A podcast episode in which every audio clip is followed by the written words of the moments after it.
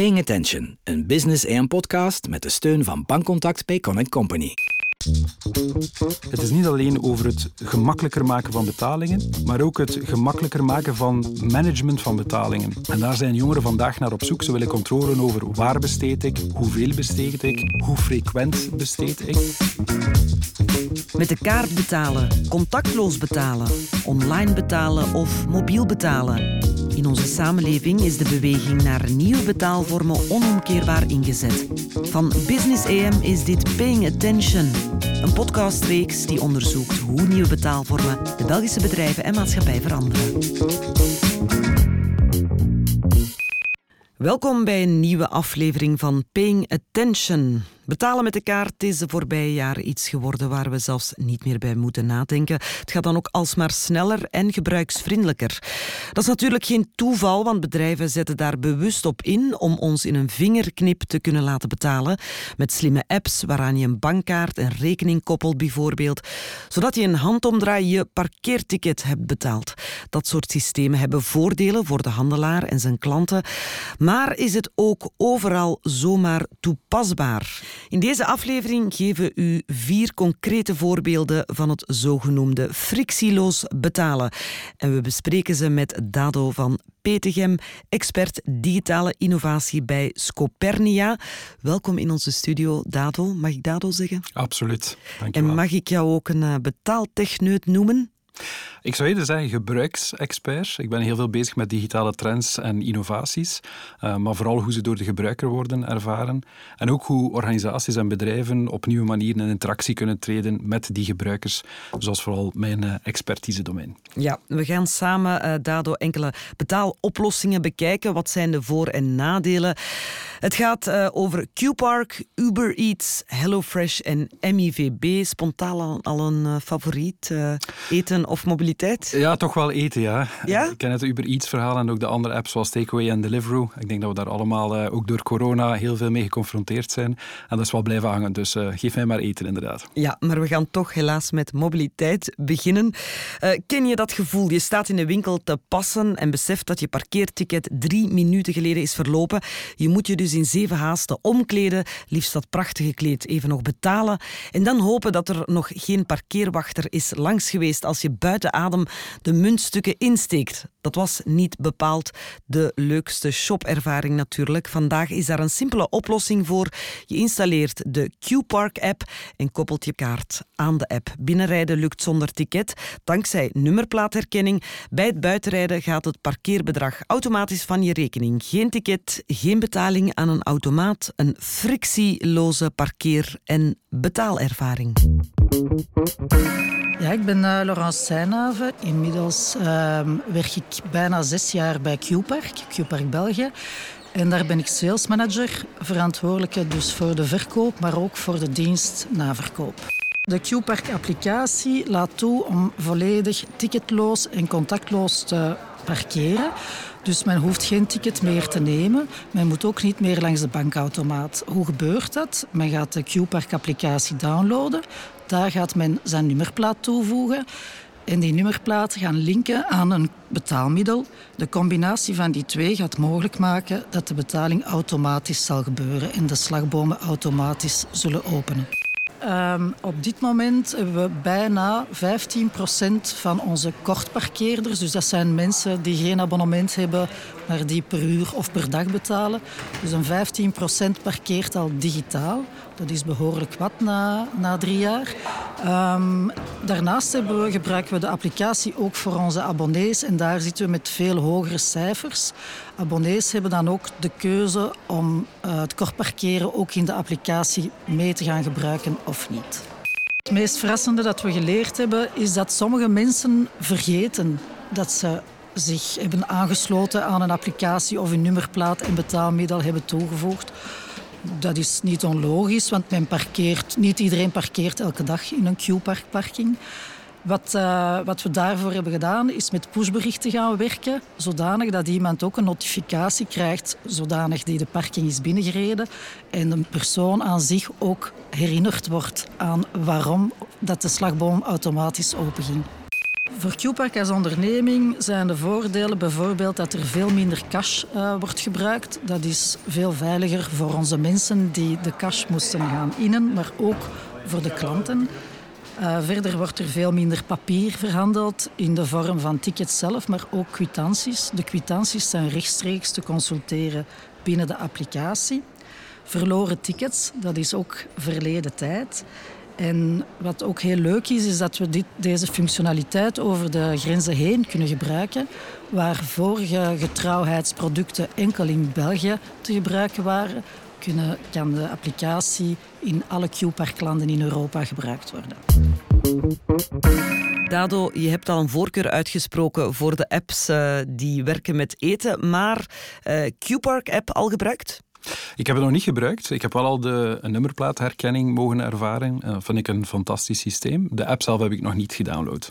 Nu, wat we hier zien of hoorden ook hè, van QPark uh, is een voorbeeld van integratie. Hoe meer je integreert, hoe vlotter de ervaring van de gebruiker wordt. Kan je dat even kaderen? Is dit een typisch kenmerk van goede digitale innovatie? Ja, absoluut. Ik ben een uh, ongelooflijke uh, believer in het feit dat technologie problemen moet oplossen. Dus technologie om de technologie is vaak geen goede oplossing. Um, en problemen oplossen doe je door te zoeken naar frictiepunten in wat ze noemen de klantenjourney, de klantenreis.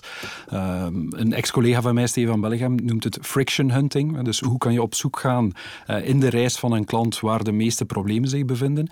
En ik denk dat dit een prachtig voorbeeld is. Hè. Op het moment dat je toekomt aan de parking, moet je al aanschuiven om een ticketje te nemen. En dat leidt al tot frustratie.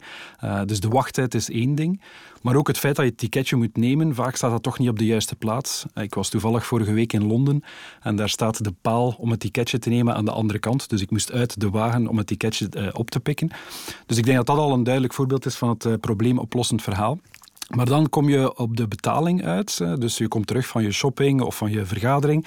En je moet gaan betalen. En ja, het eerste begint al met het vinden van het ticket. Waar heb ik het gelaten? Soms ligt het nog in de auto. Soms zit het ergens in een broekzak. Of voor de mensen die heel uh, ordentelijk zijn, zit het meestal in de portefeuille. En dan moet je gaan aanschuiven om het ticketje te betalen. Uh, dus dat neemt ook weer tijd, ook weer een wachtrij. En dan kom je boven aan die slagboom, moet je het ticketje inbrengen. En ook daar vaak zie je dat, ja, wie heeft het ticketje nu? Heeft mijn vriendin, mijn vrouw het? Uh, ligt het toch weer op de achterbank? Dus je ziet eigenlijk doorheen Hans dat proces dat daar toch wel veel frustratiemomenten zijn. Echtelijke denk, ruzies. Echtelijke ruzies, absoluut. Hè, want uh, ik, ik had jou nog zo gezegd om het ticketje daar te bewaren. En dus die frustratie neem je helemaal weg door, uh, door dit verhaal. Dus ik vind het een fantastische uh, oplossing. Dado, ik hoor je heel enthousiast vertellen. Uh, alleen maar voordelen, maar heeft het toch ook nadelen voor de gebruiker? Uh, heeft het tijd nodig om te groeien? Want verandering, de meeste mensen kunnen daar toch ook niet uh, zo heel goed mee om. Ja, ik denk het eerste is, je hebt verschillende generaties. Um, wij denken vaak over vier generaties. De eerste zijn de classics. En als ik het voorbeeld neem met bijvoorbeeld betalingen, dan zou je kunnen denken dat zijn de mensen die vandaag nog naar het loket gaan om elke overschrijving binnen te brengen in de bank. Dat is de reden waarom we nog altijd veel bankkantoren hebben. De tweede generatie is wat wij noemen de converted. Dat zijn mensen die niet opgegroeid zijn met digitalisering, maar wel bereid zijn om die oplossingen te proberen tot op een bepaald niveau. Um, ik kan het voorbeeld geven van mijn moeder. Um, die wil vandaag graag betalen met haar mobiele apps, maar tot een bepaald bedrag. Hè. Dus 50 euro lukt, 100 euro lukt, 150, ja, dan wordt ze toch al een beetje zenuwachtig. En dan heb je de generatie, denk ik, waar, waar ik toe behoor, uh, de digital. Dus hoe meer digitaal het voor mij kan, hoe liever ik het heb. Dus hoe minder ik naar de fysieke bank moet, hoe minder ik fysiek moet ondertekenen, of zelfs digitaal moet ondertekenen, hoe liever. Um, dus de meer, uh, hoe meer hoe ik kan doen op een digitale manier, hoe liever ik het heb. En dan heb je de laatste generatie die er nu bij komt. Wij noemen dat de Metaverse Generation, die opgegroeid zijn met gamingplatformen zoals Roblox, Minecraft, um, Fortnite die misschien op hele andere manieren gaat nadenken over de manier waarop ze betalingen doen. En ik denk dat het de uitdaging is voor organisaties om voor die vier generaties ook oplossingen te bedenken. En ik denk om die iets oudere generaties mee te krijgen, dat het uh, overbrengen van informatie zeer belangrijk is en ook het onderstrepen van die voordelen heel belangrijk is. Want zij zijn minder gewoon om dat soort oplossingen te gebruiken dan de nieuwere generaties. Dus dat is natuurlijk essentieel, hè, dat je iedereen kan meenemen in, uh, in dat verhaal.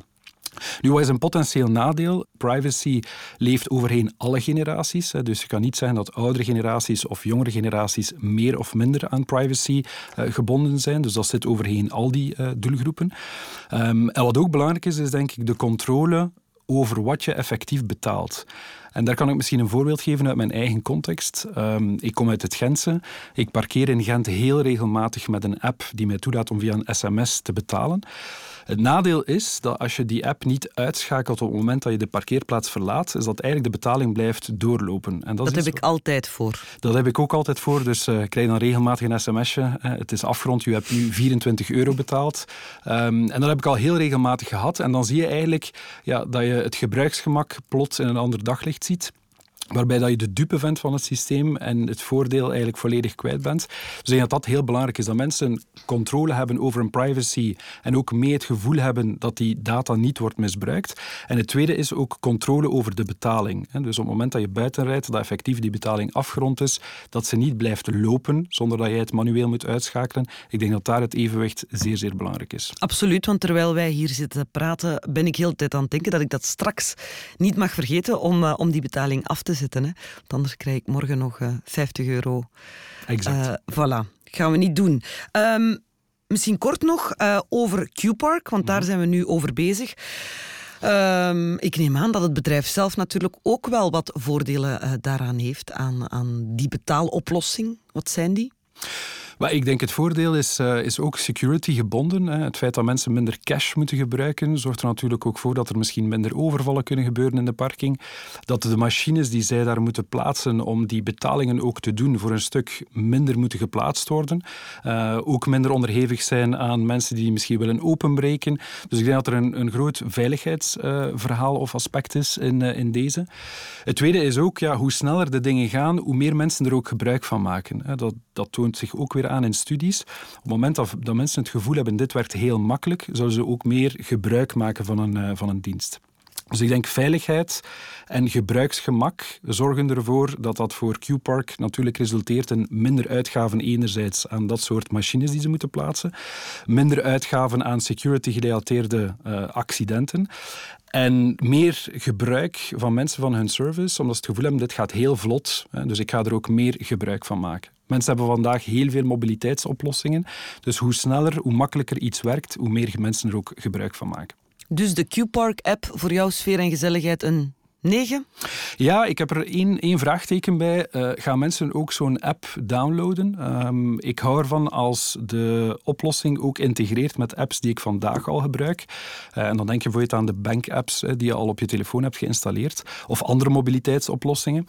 Uh, dus dat is het enige vraagteken. Zou ik zelf ook de app willen downloaden? Ik denk ook dat dat voor de iets oudere generaties opnieuw, hè, dus die classics en converted, misschien wel een, een drempel creëert. Want zij moeten opnieuw een app downloaden. Dat gaat niet altijd makkelijk. Ze moeten vaak een login creëren, die kaarten koppelen. Dus zou je niet kunnen nadenken om dit allemaal te integreren in een app die mensen al gebruiken? Ik denk de bankapps zijn daar een perfect voorbeeld van. Ehm, dat zou mijn uh, voorkeur zijn. Maar het systeem zelf van de nummerplaatherkenning, die u totaal ontzorgt in dat proces um, en ervoor zorgt dat je ook als footprint op de maatschappij, hè, er moet minder ticketjes geprint worden, dus dat is ook een voordeel, waar de jeugd ook zeer sterk mee bezig is. Daar ben ik een enorme voorstander van. Ja, uh, laten we het dan eens hebben over een app die je volgens mij wel op je gsm hebt. Uber Eats. Klopt? Absoluut. Ja. Als je maaltijd bestelt via Uber Eats, kan je je bankcontactkaart en je rekening opslaan in de app van Uber Eats. Na het plaatsen van een bestelling hoef je zelfs niet meer door de betaalmodule te gaan, maar kan je in één klik je bestelling betalen. Betaalproces na de bestelling valt dus zo goed als weg. Ik vind dat wel makkelijk, zeker als ik extreem veel honger heb. Jij? Ja, absoluut. Hè. Eh, als we honger hebben, willen we zo snel mogelijk kunnen bestellen. En zo snel mogelijk zien dat de driver onderweg is. Dus alles wat daartussenin zit, is eigenlijk een moment waarop dat je uh, frustratie kan hebben en de honger alleen maar toeneemt. Dus denk hoe sneller dat proces uh, vooruit gaat, hoe beter. Dus ik doe dat ook op dezelfde manier. Enige kanttekening hier voor mij is, Uber is een Amerikaans bedrijf. Um, ook een bedrijf dat af en toe al eens in een negatief daglicht in het nieuws is gekomen. Ten opzichte van Q-Park, wat een lokaal bedrijf is. En ik denk dat dat wel interessant is om te zien hoe happig zijn mensen uh, om een kaart uh, met data in een Amerikaanse app toe te voegen. Ik denk dat we um, versteld zouden staan hoeveel mensen daar toch wel uh, bedenkingen bij hebben. Opnieuw denk ik dat gebruiksgemak waarschijnlijk primeert, maar het zal makkelijker zijn voor een lokaal bedrijf om vertrouwen te creëren bij de doelgroepen dan een Amerikaans bedrijf. Ik moet toegeven dat ik er zelf ook niet zo'n fan van ben. Misschien behoor ik dan niet tot de digital generatie. Uh, maar uh, een kredietkaart, ik heb altijd de neiging om te denken dat dan er allerlei betalingen gaan afgaan verder in de tijd en dat ik dat niet kan stoppen. Ja, dat klopt. En daarom, volgens mij zijn er drie factoren van essentieel belang. De eerste is, ik wil controle over mijn privacy. Dus als we onze betaalkaart toevoegen in een app, we weten dat Uber wellicht ook wel andere informatie wil te weten komen over ons. Dus ik denk dat het van, van belang is om na te denken welke gegevens willen zij van ons krijgen. Het tweede is, ik wil controle over mijn betalingen. Uh, zoals jij zegt, Fatma, het is belangrijk om te weten wanneer betaal ik. En betaal ik ook nog voor andere dingen waar ik misschien niet van op de hoogte was. Is er een verdoken abonnement? Al dan niet. En het laatste is, ik wil vertrouwen in het merk waarin ik die creditkaart toevoeg. Dus dat is ook wel essentieel. Mensen, zeker als het over betalingen gaat, moet het vertrouwen heel, heel hoog zijn. Op het moment dat daar een kleine kink in de kabel komt en jij zou zien op je afrekening dat Uber een kleine fee rekent waar je niet van op de hoogte was, dan zou je zien dat er heel snel drop-out komt. Dus ik denk dat dat ook leerlessen zijn voor lokale organisaties die met dit soort oplossingen willen werken privacy. Uh, mensen willen vertrouwen in het merk en dat vertrouwen gaat heel snel weer weg op het moment dat ze zien dat er iets misgaat. En ze willen controle over de betalingen die gebeuren. Hè. Dus we willen eigenlijk dat het onzichtbaar wordt. We willen dat het snel gaat en automatisch. Maar we willen niet dat we plots achter iets moeten komen waar we zelf eigenlijk niet mee ingestemd hebben. Dus voor mij zijn dat drie essentiële bouwstenen om frictieloos betalen succesvol te maken. Wat wel interessant is in het voorbeeld van Uber Eats, is dat we hier de debetkaart kunnen toevoegen uh, en niet enkel de creditkaart. Wat eigenlijk wel heel interessant is, want mensen hebben vertrouwen in hun lokale bank. Het gaat dus om een lokale kaart, waardoor je eigenlijk een soort brug bouwt naar die Amerikaanse speler met een lokaal merk daartussenin. En ik denk dat daar wel heel veel um, gebruiksgemak kan gefaciliteerd worden en vertrouwen kan gewonnen worden, omdat je uiteindelijk interageert met een tussenstap die je heel goed kent en heel sterk vertrouwt. Ja, is het iets dan dat je elke online retailer zou aanraden, het gebruik van deze betaaltoepassing? Ja, absoluut. Want uiteindelijk moet het over het eh, shoppen gaan en niet over het proces van de betaling. Uh, een van de grootste problemen bij online retailers is wat ze noemen abandoned shopping carts. Dus mensen die eigenlijk aan het shoppen zijn, maar op het moment dat de betaling moet volgen, eigenlijk afhaken omdat het proces te lang is, niet frictieloos is, of omdat ze toevallig iets niet bij de hand hebben waarmee ze die betaling moeten, uh, moeten doen. Dus op het moment dat je dat allemaal wegneemt en je ontzorgt eigenlijk de klant op het einde van dat proces, waar veel mensen tegenop kijken, die checkout, um, dan zal je zien dat het gebruik toeneemt en dus ook de spending die mensen dan doen bij die online uh, retailers ook verhoogt. Nu, ik zou spontaan denken, hè, um, één klik, nou, dat vertrouw ik niet zo heel goed. Anderzijds, ik heb heel veel honger, dus ik zou toch makkelijker mijn controle afgeven of zo. Ja, ik vind het een zeer interessante vraag. Eh, een van de retailers die begonnen is met het uh, one-click verhaal is Amazon. Zij stonden eigenlijk voor dat principe, hoe kunnen we naar one-click payment gaan, waar mensen totaal ontzorgd worden in de betaling. En dat heeft ook tot duidelijk succes geleid. Nu, waar de truc volgens mij zit, is dat je mensen achteraf in het proces moet helpen om alles zichtbaar te maken. Dus eigenlijk zeggen we, we willen betalingen onzichtbaar maken.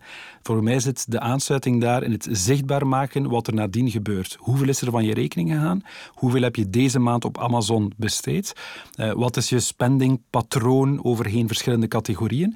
En daar zit volgens mij de, de insteek waar betalingen naartoe kunnen gaan. Het is niet alleen over het gemakkelijker maken van betalingen, maar ook het gemakkelijker maken van management van betalingen.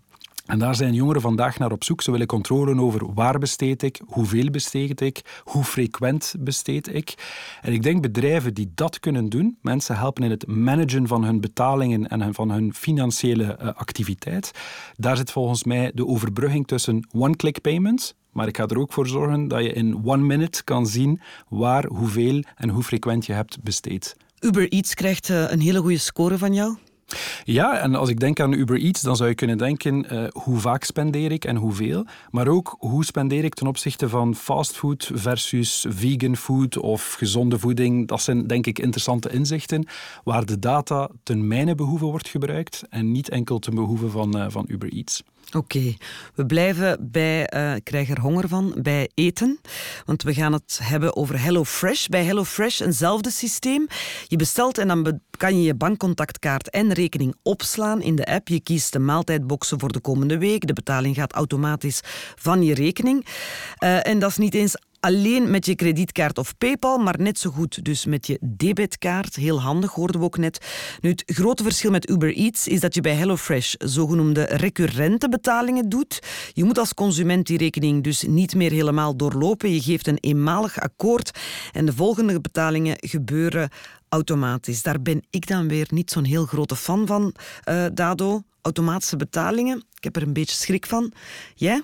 Ja, ik denk dat we op dezelfde golflengte zitten. Dus we delen de passie voor eten, maar ook wel de voorzichtigheid. zijn. Ja, wellicht. Uh, de voorzichtigheid rond betalingen. En je hebt absoluut gelijk. Ik denk uh, wat je zegt in, uh, in, in jouw verhaal is inderdaad HelloFresh een zeer gemakkelijke oplossing. En is eigenlijk gestoeld al op het principe van hoe kunnen we friction hunting gaan doen. Waarom?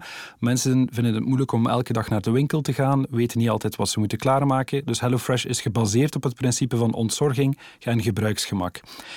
En dan die betaling is natuurlijk fantastisch, maar mijn gevoel is dat dat eerder HelloFresh ten goede komt dan ons. Want dat soort bedrijven zijn gebouwd op recurrente inkomsten. Zo kunnen zij ook aan hun investeerders tonen hoe eh, de, de markt evolueert en groeit. Maar voor ons is het belangrijk dat we daar consent voor geven. En ik denk dat dat een heel dun spanningsveld is.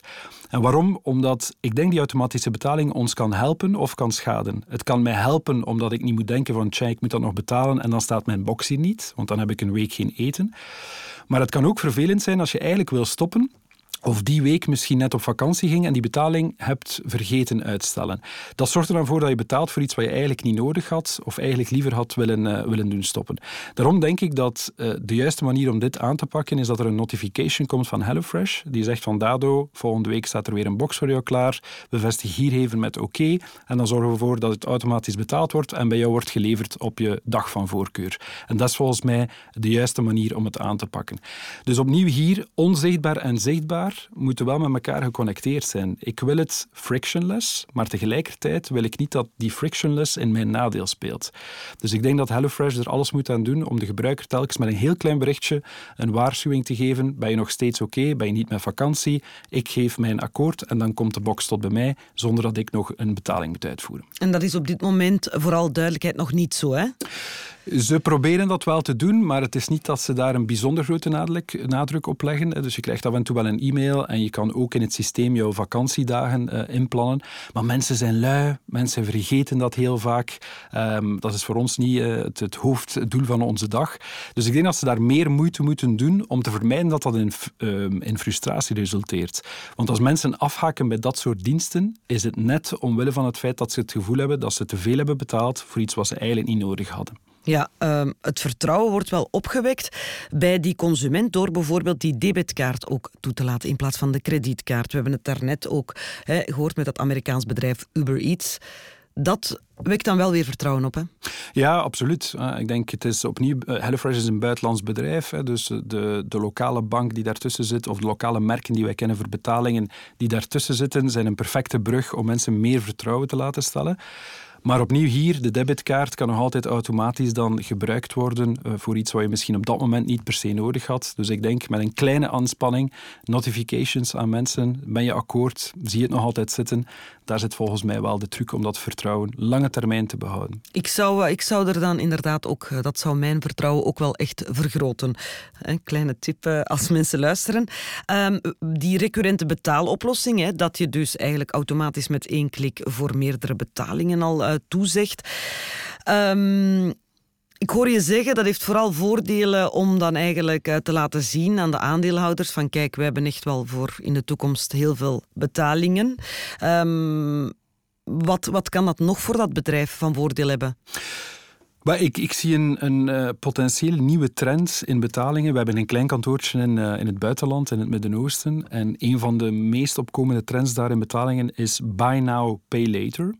Um, ik denk dat iedereen weet, uh, we komen in een moeilijke tijd. Hè. Er is een tijd van veel onrust. Uh, alle um, signalen staan op een recessie voor de komende uh, periode van het jaar en misschien nog daar, daar, daar, daar verder. Dus ik denk dat het belangrijk is om mensen ook te faciliteren in dat proces. Opnieuw, spend better. Wat betekent buy now, pay later? Het betekent dat je eigenlijk al een dienst gebruikt, maar die misschien in schijven afbetaalt of op een later moment, als je meer middelen hebt om die betaling uit te voeren. En ik denk dat bedrijven daar ook kunnen over over nadenken.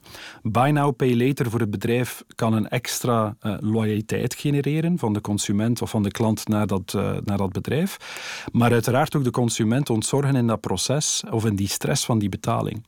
En dat vind ik wel interessant om over na te denken. Hoe kunnen wij buy now, pay later ten voordele brengen van de organisatie, zodat er geen drop-out is bijvoorbeeld. Hè? Want mensen kunnen zeggen, ik kan dit niet betalen op dit moment, dus ik stop.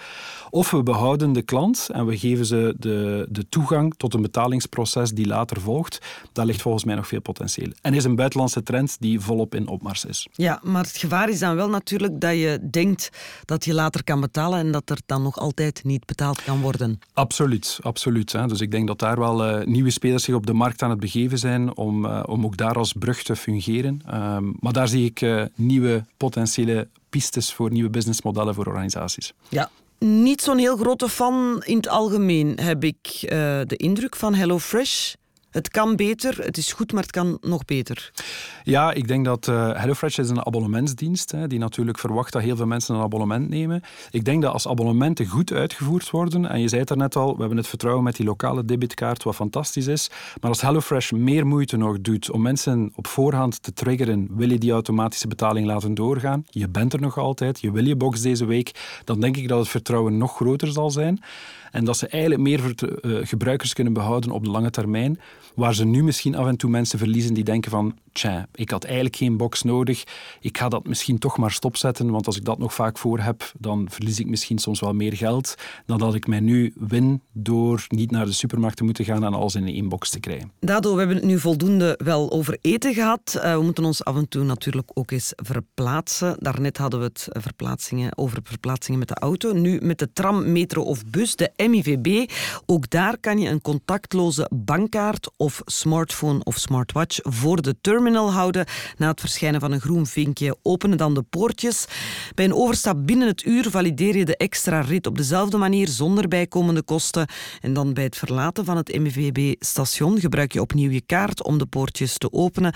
En uiteindelijk kan je nooit meer dan 7,5 euro per dag uitgeven via deze methode, wat dus wel heel veilig klinkt. Ook voor deze vierde en laatste case polsten we naar de ervaring van de Brusselse openbare vervoersmaatschappij hoe succesvol dat contactloos betalen is bij de MIVB.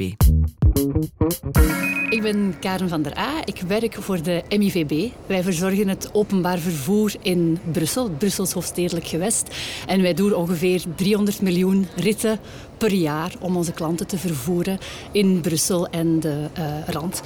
Ik behoor zelf tot de directie van sales, dus dat betekent dat wij ervoor zorgen dat onze klanten een vervoerbewijs kunnen kopen. Dat kan via onze fysieke verkooppunten, kiosk boutique, maar ook online of aan de verkoopautomaten en natuurlijk via contactloos betalen. Uh, ons systeem is eigenlijk heel eenvoudig om te reizen op het netwerk. Het enige wat je nodig hebt is een contactloze bankkaart, een debitkaart of een kredietkaart, een smartphone met een betaalapp erop, zoals Google Pay of Apple Pay, of een smartwatch.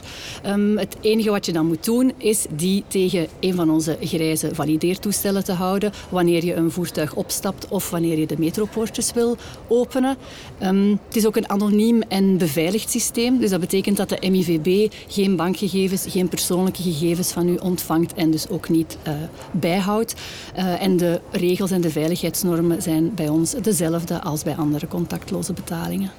Um, wij hebben het voor het grote publiek hebben wij het contactloos betalen ingevoerd in juli 2020, dus midden in de COVID-pandemie, nadat we eigenlijk sinds begin 2020 een pilootfase hadden lopen, maar voor een beperkte groep uh, testers. Um, dus we vonden het belangrijk bij de MIVB om dit te implementeren, omdat we altijd de klant centraal willen zetten en we willen ook inspelen op maatschappelijke tendensen. En we hadden eigenlijk uit marktonderzoek begrepen dat mensen minder en minder cash op zak hebben en ook dat ze een groot gebruikgemak echt heel belangrijk vinden. En contactloos betalen komt daar perfect aan tegemoet, want het is snel, het is eenvoudig. Je hoeft geen kennis te hebben van ons tariefaanbod. Je hoeft ook niet te weten of je veel of weinig zal reizen die dag. Uh, je hoeft daar eigenlijk allemaal niet over na te denken. Je kan gewoon met je betaalkaart opstappen en je kan correct reizen. En bovendien is ook elke bankkaart die tegenwoordig wordt uitgegeven, is voorzien van die contactloze technologie. Wat betekent dat iedereen die een bankkaart heeft, kan het gebruiken. Dus het is eigenlijk heel gebruiksvriendelijk voor een grote groep mensen. De toepassing is bij ons erg succesvol. Wij zijn in juli 2020 gestart met 54.000 betalende ritten. En nu, twee jaar later, zitten we aan gemiddeld 500.000 betalende ritten per maand. Dus dat is natuurlijk een enorme stijging. Um, we zien ook dat, die, dat we nog steeds in stijgende lijn zitten. Um, want bijna 1 op de 10 ritten wordt gedaan door mensen die het systeem nog niet voordien gebruikt hebben. Um, dat is bij ons wel een inschatting, want zoals ik zei, het is een anoniem systeem. Dus dat betekent dat een klant kan meerdere bankkaarten gebruiken. Maar dus we zitten ongeveer op 1 op 10. En bijna 40% van onze ticketverkoop van één ritten gebeurt ondertussen via het contactloos betalen. En bovendien is het ook het goedkoopste MIVB-ticket, dus goedkoper dan een papieren ticket bijvoorbeeld. Dus het is eigenlijk de ideale combinatie van eenvoud en prijs. Dado, jij woont in Gent, heb je me daarnet verteld. Um, maak je dan eigenlijk vaak gebruik van de MIVB? Nee, eigenlijk niet zo vaak. Ehm, af en toe als ik in uh, Brussel ben, ik weet het verkeer is niet altijd handig en dan is uh, eh, MIVB wel een uh, welgekomen partner. Maar het is wel zo dat ik ehm, op vakantie ben gegaan in, in Londen en daar ook dus de metro regelmatig heb gebruikt en hetzelfde systeem heb mogen ervaren. Wat ik eigenlijk ook heel gebruiksvriendelijk vond. Want het is mijn overtuiging dat mensen in dat laatste proces om de metro te halen vaak gehaast zijn. Ehm, als je dan nog een ticketje moet gaan halen Ehm, ja, dan is dat opnieuw weer een moment van frustratie waar je tijd verliest. Je moet dat ticketje ook weer in die grote bakken steken. Dat is allemaal niet zo, niet zo evident. Dus het contactloos betalen werkt in een split second, opent de poortjes meteen. Het enige nadeel wat ik daar in Londen heb uh, ondervonden, is op het moment dat je niet uitbatcht op het einde, gaat het geld effectief van de rekening. Ik vind het dus goed dat MIVB heeft nagedacht om dat bedrag te limiteren op 7,5 euro, zodat je, dat je niet meer uitgeeft. Maar het is wel mijn overtuiging dat mensen toch nog vaak zullen vergeten om die uitbatch te doen op het einde van, uh, van de rit. Als, uh, als je niet volledig door de poortjes moet. Hè. Dus dat is het enige nadeel dat ik, uh, dat ik potentieel zie. En ik denk opnieuw naar sustainability toe. Meer, minder printen, minder ticketjes die moeten worden afgedrukt. Dus ik ben absoluut een fan van het systeem. Ja, en bijvoorbeeld voor mezelf spreek ik dan. ik gebruik inderdaad ook niet heel vaak de metro of de tram in Brussel. En ik ben dus een heel occasionele gebruiker dat is dan wel handig, hè, dat ze op die manier mensen proberen te overtuigen door dat gebruikersgemak ook voor die occasionele gebruiker heel laag te houden. Ja, absoluut. Hè, want we zitten met z'n allen meer vast in het verkeer. We moeten ook nadenken over onze ecologische voetafdruk. Dus om meer mensen in dat systeem te krijgen, is dat frictionless betalen hier een fantastische oplossing. En ik denk zelfs de volgende stap, die vandaag ook wordt gebruikt door toepassingen zoals Google Pay, Apple Pay, is dat je gewoon met je telefoon tikt tegen het toestel, waardoor je jezelf niet meer de kaart uit de broekzak moet halen. Uh, ik heb ook al mijn debitkaart toegevoegd in dat systeem, waardoor ik dus eigenlijk gewoon met een tik van de telefoon uh, direct de metro binnen kon uh, in Londen. En ik ga ervan uit dat dat hier voor de MVB hetzelfde geval is.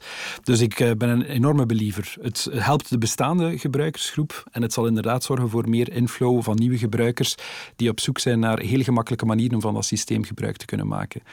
Nu, laten we dan toch ook eens hebben over de voordelen voor de MIVB en privacy dan opnieuw. Uh, mogen we dit zien als een aanpak die ook extra data oplevert voor, uh, voor de MIVB?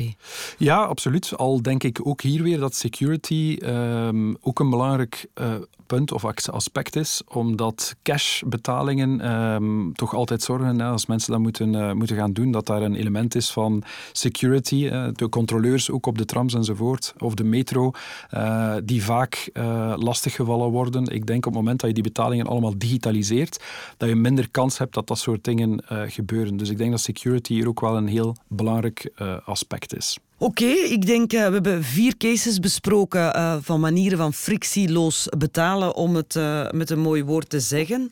We hebben Uber Eats gehad, we hebben Qpark gehad, MIVB en HelloFresh.